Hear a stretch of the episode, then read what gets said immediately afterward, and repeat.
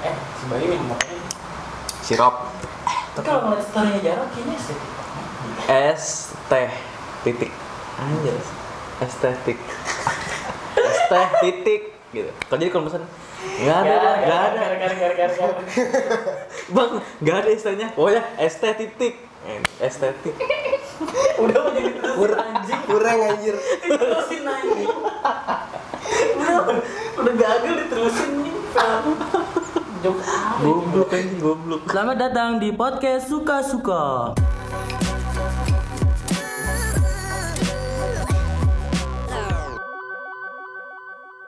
Oke, balik lagi kita. Balik lagi kita. Gue ke sini mau ngomongin musik. Karena Karena selama corona ya hampa banget nggak ada gigs. Bakaran. Banyak konser-konser yang gue tungguin jadi. 2020 ketunda gara-gara corona tau gak? Apa aja? Konsernya WTF. Nggak taunya yang kemarin tuh baru konsernya nggak nggak taunya gigsnya online ya kan. Iya. Mau kita tuh gairahnya kurang gitu loh kalau nonton konser Iya, nggak dapet online. lah, nggak dapet beda. Nggak dapet ininya. Kurang. apa, Euforianya kurang. Kayak lu sama aja nonton YouTube biasa gimana sih? Iya. Euforianya kurang nggak berasa gitu. Nggak ngena gitu. Nggak, nggak kurs gitu. Mm-mm. Kayak goreng gitu. Dan Iya serius. Itu Tapi nonton? enggak, gua nggak nonton online. Gue nonton sih kalau gue. Kemarin yang WTF. Mas Pam. Ah, iya. Sih.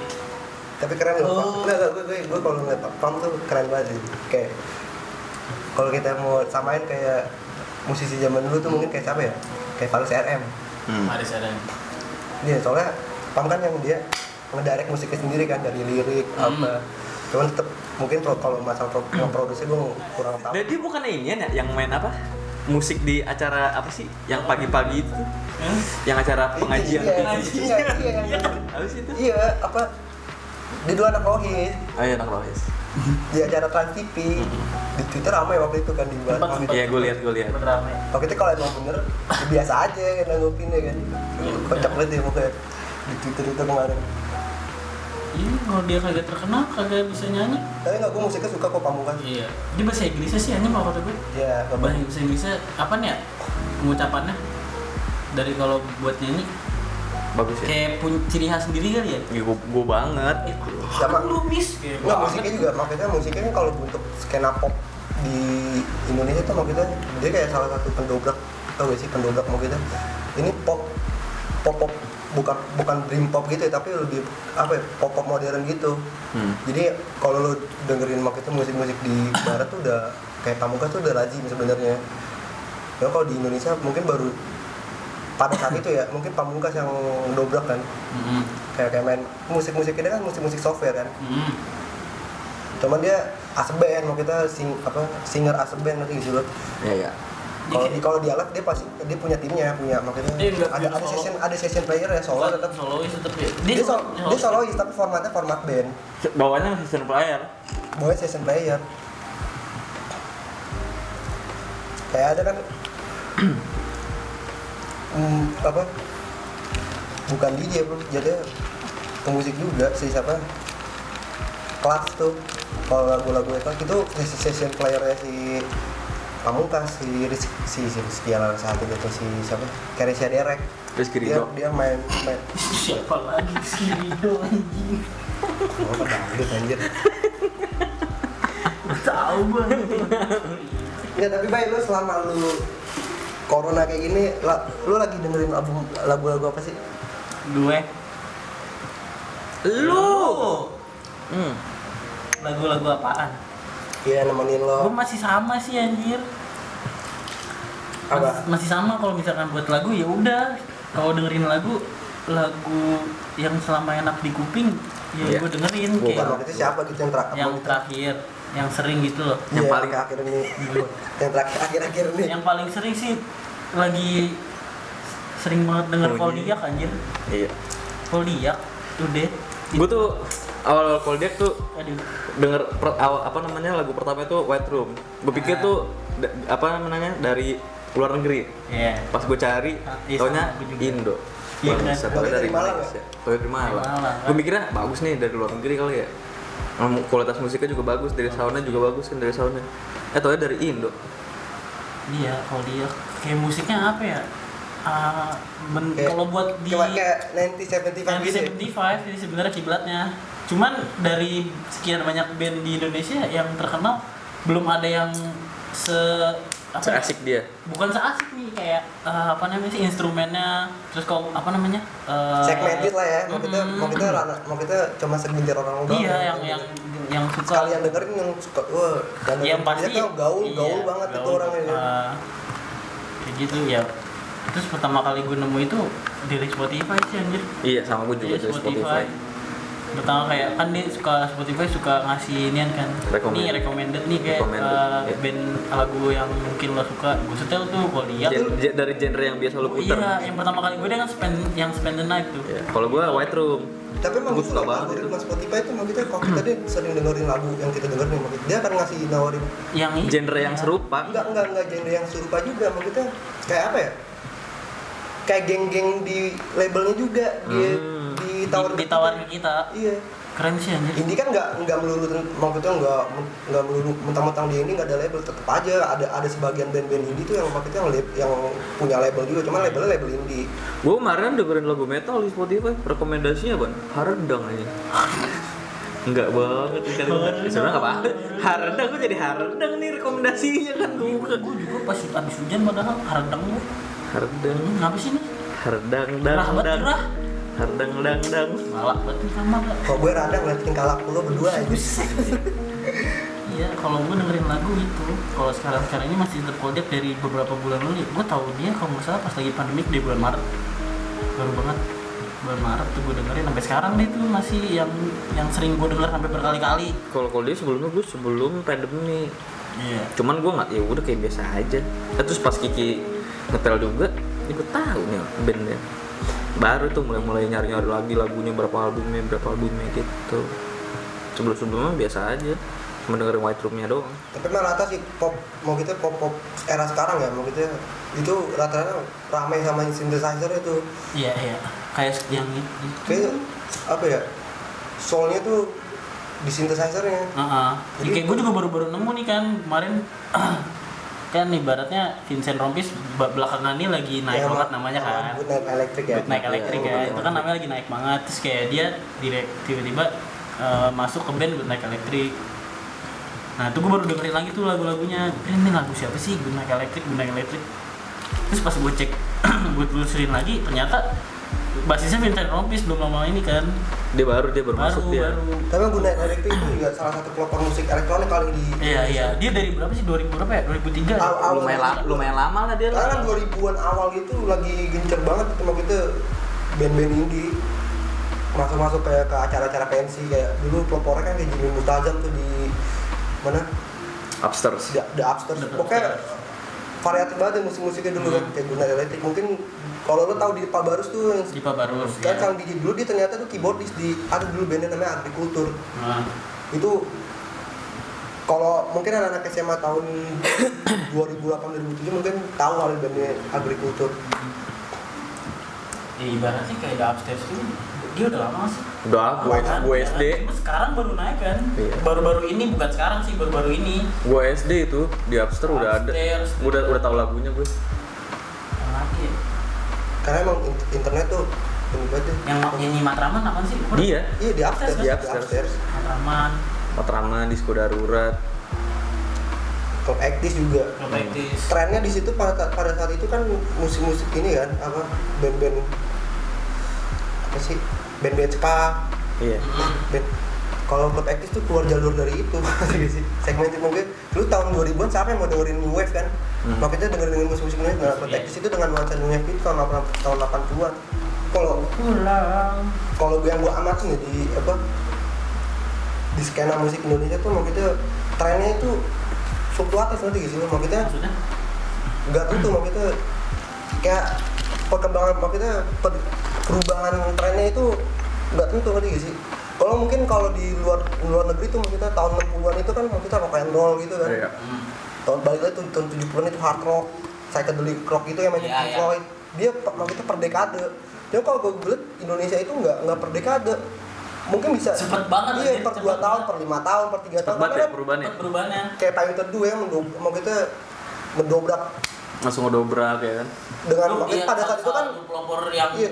bikin apa ya? Indie night itu sih kalau kata gue. Iya mungkin bisa. Karena pada saat itu kan tren musik musik Indonesia kan mau kita ya ya pop biasa aja gitu kan mau kita Iya, kayak- Melayu kayak juga. Nggak tuh iya. datang tahun 2012 2013 dia dengan datang tuh mungkin dengan musik yang minimalis kan. Hmm. dengan mau kita dengan mengusung genre kayak folk folk tapi ada sedikit jazz atau keroncong yang cuman lebih lebih lebih ke keroncong dia emang sebenarnya dengan lirik-lirik yang kayak begitu kan. Langsung setelah aku itu pengen teduh. Gue bikin band bikin apa pokoknya gue harus bikin lirik-lirik yang puitis gitu. Mm-mm, dari situ deh dan banyak juga yang nggak berhasil sebenarnya dan juga ada yang berhasil tapi maksain menurut gue kayak gitu. Salah satunya? Salah satunya adalah pokoknya masa gue ngomong ya emang kenapa? Dari 2015 udah berubah lagi trennya. 2015 2016 udah berubah. Danila nah ya. naik tahun berapa deh Ma- 16 ya enggak Danila 17 Danila 16 17 mungkin cuma kalau gue, gue gue gue tahu Danila itu 2014 cuman Iya. gue jarang gue karena kan sering explore musik di YouTube kan. cuman ke up-nya tuh kayaknya 17 deh gue inget banget yang pertama kali dia up itu di album berdistraksi iya itu ke Nah itu di gue kalau tahun 2017. karena gue dua 11. enggak karena waktu itu gue sering dengerin lagu paling teduh kan waktu itu Pa- paling teduh sore atau gimana itu sering muncul tuh di thumbnail YouTube gue. nah itu gue awal juga sore Danila gue dengerin sore cuman gue nggak pernah gue klik gue klik pas gue gara-gara tahu Danila tuh gara-gara nonton mu- musik galeri Ah. di Kuningan Ballroom kan. Hmm. dia dia collab sama Mondo Gascaro ada keyboardisnya siapa? Sore. Gara-gara itu gue nggak sengaja juga nonton dia gara-gara gue tuh mau nonton Panama kan.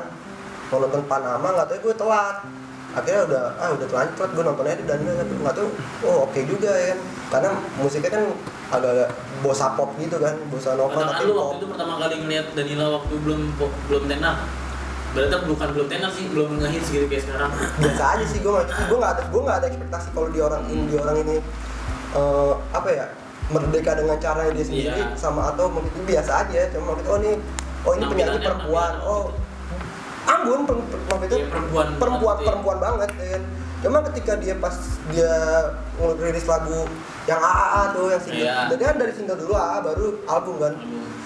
wah kok anjir ini beda banget dari dia dari al- album awal sama yang albumnya kok beda banget. Ini lebih ke dream pop banget kan. Langsung kan anjir nggak dia Danila tuh pribadinya kayak gitu aja bocor gila ya keluar lah ya. Tapi keren gue suka Danila tuh mau kita banyak lagu-lagu Danila yang orang-orang nggak dengerin tapi sebenarnya itu lagunya bagus banget. Kayak ada di album yang di album yang telisik kalau nggak salah ya. Telisik itu kan ya, ini apa sih? Senja di senja di pilu kan Ambang Pilu. cuman gue nggak nggak terlalu suka sama lagu itu. Ada lagu yang Ono Trembling Theory.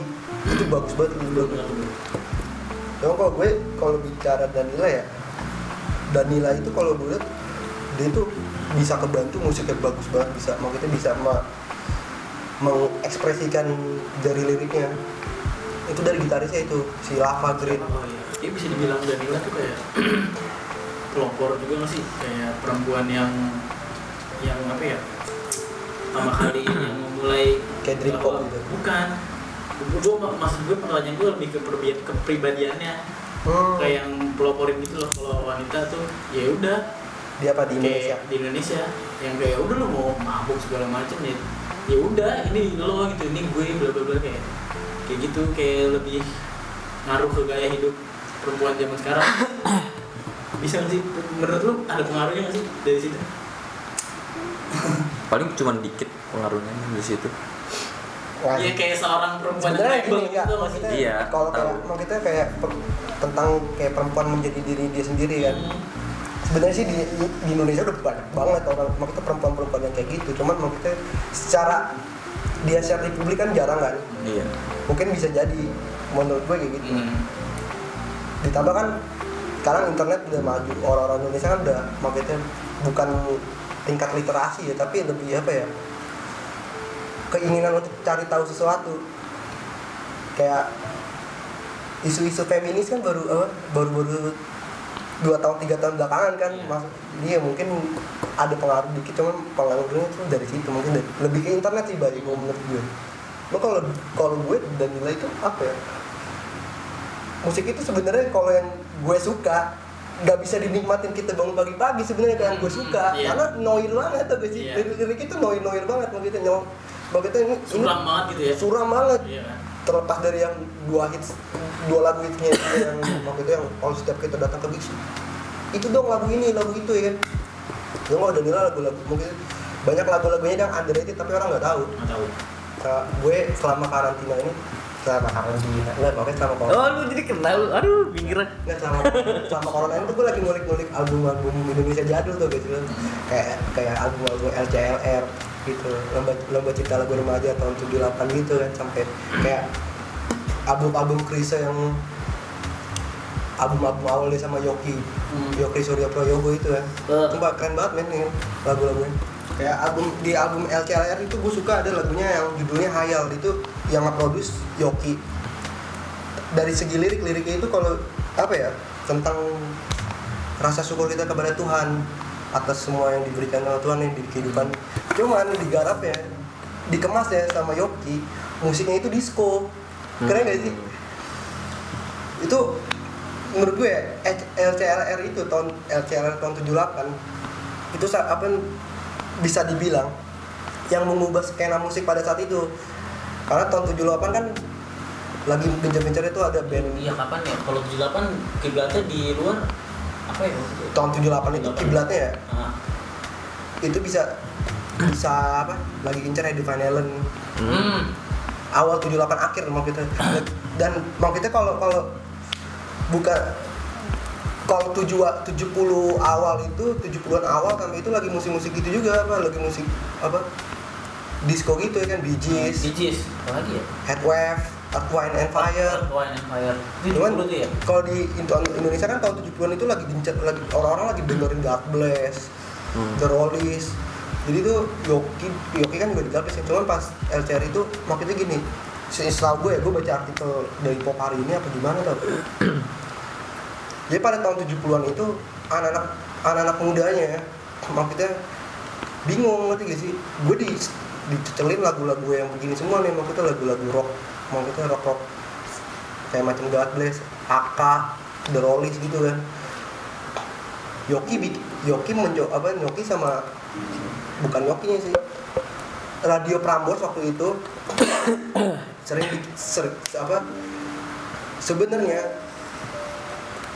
radio Prambors itu tuh nggak suka kalau gue tuh ini radio ini radio cuman ini lagu kok gue ini, nggak gue banget sebenarnya si penyiar penyiarnya ini Ah, ide- idealis gitu Iya mungkin sih. Iya. Akhirnya dia bikin ini lomba lagu cipta remaja itu. Eh, digarap sama Yoki, Yoki Eros Jarod gitu. Sama kalau ada kalau lu tahu ada musisi Kinan Nasution juga banyak Doni Fata dari God Bless itu dia bikin. Jadi siapa pun orang-orang bisa ngirim lagu kalau kalau misalnya dia bagus itu digarap sama Yoki Zamantri. Nah itu salah satunya yang lagu gue suka itu sih siapa? Yang lagunya Hayal itu judulnya. Purnama Sultan yang nyanyi cuman digarap sama Yoki. Dari segi lirik itu lirik maksudnya mungkin bagus banget liriknya maksudnya.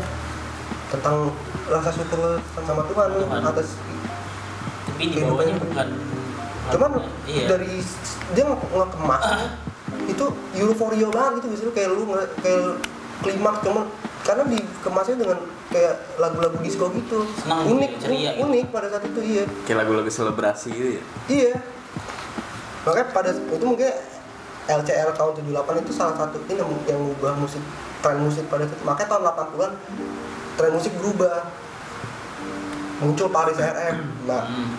tahun 80-an itu ada kayak lagu-lagu kayak Paris RM, siapa Mus Mujiono, Yoki, Krisa. Itu istilahnya ada dia main musik-musik fusion tapi kalau di Indonesia nya istilahnya pop kreatif beda sama kayak lagu-lagunya kayak si Etik Pesendang beda maksudnya kayak Hmm. si siapa Betara Sonata itu beda oh, beda kelompok lah pokoknya lo harus dengerin itu gue lagi lagi ngulik lagu-lagu lagu-lagu jadulnya ya lo, apa bay lagi dengerin lagu Bay siapa nih? Bay Bay ada dua Bayu, nih. Bayu. Kibay, Bayu. Ih, gue mah sama kayak Kiki. Yang enak di kuping aja. iya itu gitu nggak mau gitu siapa gitu yang, yang salah satunya yang kayak ibaratnya nih Iya. misalnya di dua bulan terakhir yang lo dengerin terus ini Pertama kalau dia tuh. Terus kedua si siapa? Atlesta ya? Di situ tuh. Atlesta Dia dari Malang juga ya Malang juga dia Atlesta. Malang juga udah itu yang maksudnya yang era-eranya ke sini tuh itu doang dua tapi kalau era-era yang dulu tetap nge di blues rock and roll.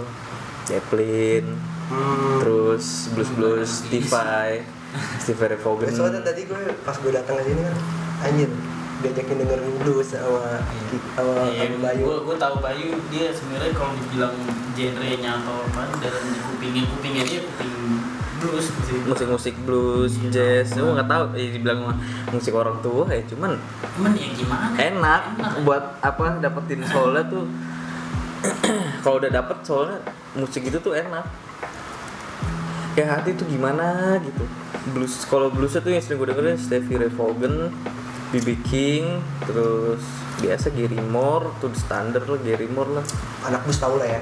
anak blues pasti tahu kalau nggak tahu mau kebangetan ini terus nah ini Buddy Guy terus ya paling gitu-gitu era-eranya dia era-era tua orang-orang kulit hitam John Mayer nggak dengerin John Mayer. Hmm, paling Mayer yang masih ada bluesnya doang Ardito nggak dengan Ardito. enggak Lama apa yang enggak kurang-kurang di kuping enggak masuk di kuping Dulu orang dulu banget sih deh. iya Dulu kan. Saya berapa? 80 berapa?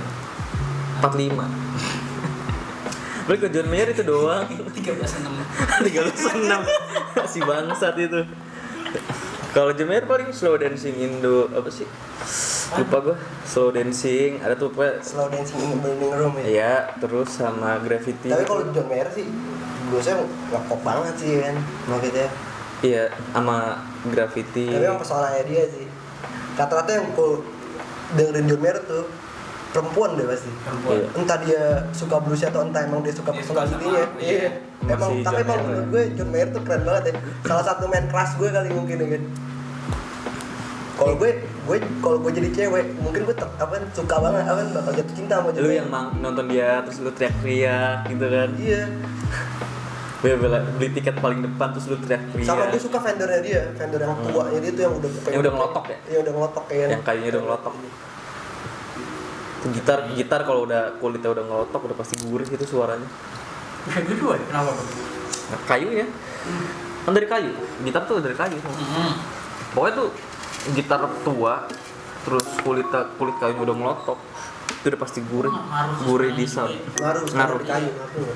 Ng- ngaruh ke soundnya sama eh, lu pakai kabel yang wireless apa kabel ya yang kabel gitu itu juga beda juga suaranya makanya kan si Gugun Blue Shelter itu kan jarang dia pakai wireless. Dia maunya pakai yang kabel. Direct. direct ya. Karena suaranya kata dia sih gu- gurih di suaranya dapat di kabel itu direct. Dibanding di wireless katanya. Cuman kan ada plus minus. Kalau wireless ya lu bisa main jauh-jauh ujung panggung ke mana. Kan kalau kabel kan apa situ-situ doang. Tapi emang kalau gue kalau level sih menurut gue ya. Kalau apa gitaris blues yang maksudnya dia tuh sebenarnya bisa kalau gue ya dari potensinya dia dia kalau dia main gitar sambil nggak nyanyi mungkin lik-liknya dia lebih hebat lagi mungkin karena dia ke- fokusnya kebagi dia dia main gitar sama nyanyi kan. Mm. tapi memang dia gila sih sinting loh gitu salah satu gitaris blues terbaik tuh. Iya. Sama Rama Satria kalau cuma bedanya kalau Rama Satria kan apa ya lebih pemilih sih makanya dia dia tuh ya bluesnya dia emang blues bluesnya Jimi Hendrix Karena- Rama Satria. Dia kan sekolah dapat beasiswa di Hendrix University waktu itu. Dia dapat beasiswa di kuliah di sana dia. Ya, jadi genre dia tuh bluesnya ya itu bluesnya Jimi Hendrix bluesnya Steve jadi lirik liriknya masih dipakai. Sama Dinda lah ya. Dinda Dinda. Dinda tuh di jazz banget jazz banget blues blues jazznya iya. grup bluesnya ya? Nge-groove funk. Funky itu yang dulu kalau ngefunk tuh dia dulu tuh yang masih di apa namanya white flowers ya. Itu ngefunk tuh kalau sekarang paling dia blues jazz jazz gitu. Tapi sumpah baik gue maksudnya gue tau Dinda Dinda Bestari itu maksudnya gitaris yang bagus tadi cuman karyanya tuh nggak gue explore tadi Iya. cuma gue tahu dia maksudnya gue pernah waktu itu nonton apa ya dia di session siapa gue lupa gue lagi di Citos kan dulu kan ada tuh yang Jesse Net di Citos tahu. Iya. cuman gue nggak nonton dia cuma sekelebatan gue lewat dari itu anjing siapa nih yang main gitar keren banget ya kan dia lagi lagi lagi bagian ini kan solo gitar gitu kan. Iya. Ay, oh gue ngeliat gue cari tahu dong kan siapa ini orang Dia tuh tipe pemain gitarnya tipe-tipe Eric Gales. Banyak improve dia. Iya lebih improvisation improvisation ya. Hmm. Lebih banyak improve dia. Ya, emang Bruce gitu sih. Dia nggak pakemnya tuh nggak terpaku gitu. Ketika lu lagi main di A lu harus dulu di. Oh, iya. di- Lu, gua- gua- gua- asalkan asalkan bassnya itu bener bener di nada dasar itu. Ih, gue pribadi kadang suka bingung dah kalau misalkan bedain blues sama jazz. Beda. Emang beda sih. Cara bedainnya gue masih Soalnya blues tuh Be- ada bedanya banyak. di- buat ngekotakinnya. Be- bedanya di lick doang kalau. Coba gini, blues tuh ada banyak. Dia ada Boston Blues, ada blues rock, ada Texas Blues, Ada honky tonk blues. ada blues doang gitu. Beda-beda. Honky tonk honky tonk blues itu kayak ini kayak ada kalau Rolling Stone itu kan lo ada dia rock blues kan Hmm. tapi blues itu honky tonk kayak lebih ada tambah-tambahan instrumen piano yang nyeleneh gitu kayak gitu Iya. mungkin kalau dengerin slang slang slang album eh, slang slang di formasi awal banyak tuh lick-lick lick-lick keyboard yang nyeleneh itu oh, lick, licknya blues banget sih siapa Indraki Gini aja dari lu dari Kiki lu dah. Eh, ini nih. Genre pertama sampai genre yang sekarang lu dengerin itu apa aja? Dari awal-awal lu dengerin musik. Awal gue dengerin musik, Iya. Genre yang lu suka gitu. Awal-awal pokoknya dari awal sampai sekarang deh. Selama lu dengerin musik. EDM urut urutannya, urutannya ya. Pertama IDM. IDM awal-awal tuh gue IDM yang gue lagi suka itu. yang mempengaruhi lo bahwa oh ini musik ini kayak gue suka musik gitu Hmm. Awal-awal kan secara- tuh kita bukan secara Kalau secara apa ya? Pertama kali gue ngeh soal musik IDM. Tapi IDM. kalau buat di kuping gue, gue lebih bukan gue gue nggak gue gue nggak gue nggak paham kalau ngomongin genre ya. Cuman kalau di kuping gue, gue paling suka ya lagu-lagu dulu gitu tau gak sih? Oh. Iya, Karena- yang apa ya pertama kali itu mungkin eh, ada misalkan lu pernah ngerasa ada lagu British British gitu Bukan, ya. lagu yang ketika lo dengerin sekarang terus lu ngulang kayak ngerasa ngulang ke waktu sebelumnya kayak gue Iya, iya. kecil pernah denger deh Hmm. nah itu pertama kali gue suka bisa suka lagu lagu-lagu yang dulu tahun 70 atau 80 dulu itu gue pertama kali denger lagu Roxette Hmm. yang mana yang listen to your heart Listen to your heart it must be must be in love itu it must have It must have ah lupa gue anjing itu Roxette karena ketika pertama kali gue dengerin Roxette gue inget waktu gue kecil kayak masih bayi nyokap gue dengerin lagu ini Hmm. Hmm. Kayak ada di kuping lah kedengeran Ah, gitu ya. iya itu bener-bener apa ya kayak lu ketika gue dengerin lagu itu gue ngerasa mem- memori gue di flashback lagi aja baru dari situ gue suka sama lagu-lagu dulu. Gue ngulik-ngulik ngulik-ngulik wah anjing emang menurut gue ya lagu-lagu eh, era-era tahun di bawah 2000 itu emang timeless banget itu. timeless banget sih. Kayak apa ya? Gitu. gak bakal Iya. bisa bosan lu dengerin anjir. GNR lah Iya. Queen segala macem. Kalau gue tuh Nah kalau lu Jar, gue sih gini ya maksudnya gue gue tuh dengerin Beatles tuh dari awal dari kecil mungkin mungkin dari SD cuma gue secara musik tuh enggak maksudnya secara gue paham musik tuh baru baru paham musik mungkin SMP kali. Cuma waktu SMP tuh gue reggae. Iya. Mhm.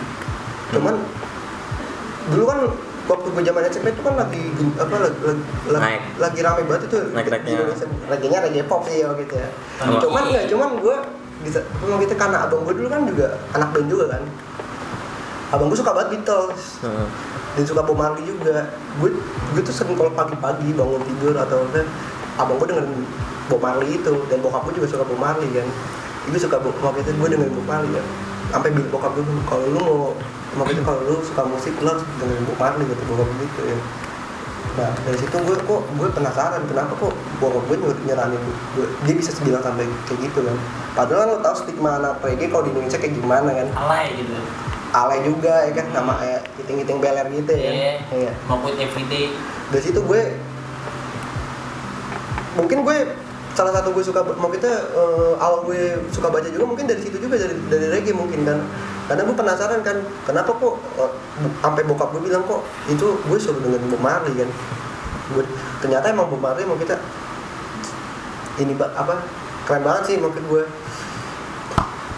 dari lirik-liriknya kan lirik-liriknya dia kan kritis Dari secara ya. penghayatan dia Cuman nyanyi juga. yang gue suka gue malah maksudnya banyak lagunya dia kritis-kritis tuh yang liriknya oke-oke banget dan gue pada saat itu gue sekarang bahasa Inggris gue pun juga pas-pasan mungkin dulu gue nggak nggak ngerti cuman karena pada saat itu zaman masih di gue kan sering apa itu zaman bang zaman Facebook lah belum ada Iya. orang-orang belum pada main Instagram masih belum alay ada. alay kalau Facebook dulu gue nggak follow gue nggak follow Ras Muhammad dan Ras Muhammad itu sering bikin arti Artikel, artikel di iya. bikin tulisan itu pokoknya Iya. tentang di balik lagu-lagunya Bob Marley itu anjir ya ternyata ada lirik-liriknya itu yang maksudnya orang ba- bahkan tuh orang Inggris orang Inggris atau orang Amerika pun nggak ngerti bahasa karena dia pakai bahasa patwa Jamaika antara campuran Spanyol Inggris Jamaika kan Iya. banyak kayak kayak misalnya ada lagunya dia tuh tentang bicara tentang ini maksudnya teman-teman yang munafik. Cuman di situ ada ada dia pakai diksi bukan pak korn itu. Kalau di bahasa Inggrisnya kalau bahasa Inggris awam ya maksudnya kalau kita di Amerika atau di Inggris korn itu kan jagung kan. Hmm. cuman korn itu di sana bahasa patwa Jamaika korn itu ber- artinya itu uang. Beda kayak saya me corn ya kan gitu. Dia ngelemparin gue uang gitu ya kayak pokoknya keren deh mau kita ada bahasa bahasa patah yang kalau kita kalau kita harus dengar Bob Marley itu kita harus tahu cari tahu cari tahu dia siapa dulu ya. Nggak sih? harus baca harus mau kita harus punya effort lebih lah kalau buat ngerti liriknya karena pinter bahasa Inggris pun tuh nggak cukup. Nggak cukup. karena kan dia metafor gitu lirik-liriknya itu metafor ngerti gak sih? Bob Mar- sama Beatles sih gue. Beatles sama Bob Marley itu iya. mempengaruhi banget. Iya. Cara berpikir gue juga mempengaruhi banget apalagi kalau dengan album-album Beatles yang dia mau sebelum apa dua tahun tiga tahun dia mau bubar itu mau kita berubah banget musik Beatles dari yang anak remaja malu-malu yang mau kita dengan cuman dia bikin lagu si love you ye ye gitu dong terus nggak tahu ya dengan nadanya enak atau berubah lagi di album Sgt. Pepper's Lonely Heart itu ya kan Hmm. Karena deh pokoknya Beatles sama bukan itu yang membuka gue buat eksplor musik lebih banyak. Kalau gua dengerin dari dulu tuh hitungannya tuh gue dengerin genre apa aja. Kalau gua semuanya pasti gue dengerin terus udah gitu gue cobain pas ngeband. Dari dulu dari kayak popnya dulu kan ungu-ungu gitu kan ungu-unguan ya kan? Ungu. ungu clickers. Fansnya tuh clickers tuh. Tapi pas ungu tuh orangnya nggak ungu-ungu amat. Kalau ungu dia mati dong. Kalau ungu Thanos lah. Thanos. Di pokoknya gitu dari pop terus gue ke sama kayak Fajar reggae juga. Reggae tuh gue dengerin genrenya terus band-bandnya. Baru tuh dari reggae gue ngeband. Tapi emang mau gimana pun kita mau kita kita mau sekeren apa pun tes kita tala- apa Dalam dalam musik. musik kita nggak bisa. Mungkin kalau kita tuh kita itu tumbuh di di mana pasar musik Indonesia itu lagi Melayu semua Iya. pasti band. iya SD gue SD dibilang kan. enak emang enak lu enak, lu enak. mungkin loh ngomong kita Iya, maksudnya Iya. sealai-alai. cuman kita memungkiri aja kalau kita tuh Iya. bahwa kita tuh suka sama itu lagu ketika lu dengerin lagu terus lu bisa langsung nyanyi itu menurut gue udah pasti udah itu enak itu enak kayak dan terbanglah bersamaku iya langsung diterusin itu menurut enak anjing Terus tapi ada aja yang ikut nyanyi ikut nyanyi tapi suaranya Nyanyi pelan, pelan. gitu Soalnya waktu itu kan gue nonton sinkrones ya, eh kan. Kalau ada itu yang garap Om Leo kan. hmm. yang bergerak Om Leo gue yang berkaraoke Itu anjing orang-orang yang yang pakai apa bajunya yang ininya seringa yang apa tetep aja pas lagi disuguhin lagu itu nyanyi. nyanyi nyanyi anjir tapi tangan band keren sih anjir ya kan gue dari reggae tuh reggae gue sampai manggung. Itu gue main reggae 2 tahun sampai manggung. Terus gue cabut lari ke metal hardcore. Apa Nyoba- lo hardcore yang gue denger? Gue mungkin gue suka banget ekspor musik ya cuma kalau hardcore paling hardcore itu gue salah satu yang genre itu nggak apa yang ranahnya itu gue nggak tahu. Maksudnya nggak bener-bener gini ya kalau nggak tahu hardcore banyak. Iya sama gue gue gak tau banyak. Gue cuma beberapa doang. Hardcore Indo tuh yang paling ketahuan tuh yang paling kelihatan tuh Strike and Swear hmm, itu udah pasti tak orang tahu nggak mungkin nggak tahu. Karena tuh band lumayan lama juga di Indo. Terus Final Attack ah, ah, Be- cuman beberapa doang gue kalau hardcore mah gitu. Tapi metalnya dari hardcore sama metal tuh gue ngulik metal banyak. Metal Apa? metal luar. nggak- entertainment kan? Lu suka metal Enggak. aku suka dong ya kan apa lagu entertainment? Metallica. enggak dong itu Metallica. Iya, iya sih. Iya nggak nggak salah sih ya. Iya nggak salah. Nggak salah. Nggak salah. Cuman umum iya.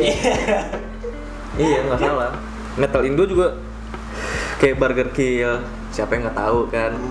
Dead Squad. Squad. pasti siapa tahu. kita yang sama Anda yang si ini yang bewok. Step hitam oh yang gondrong. Kan nama yang netral juga.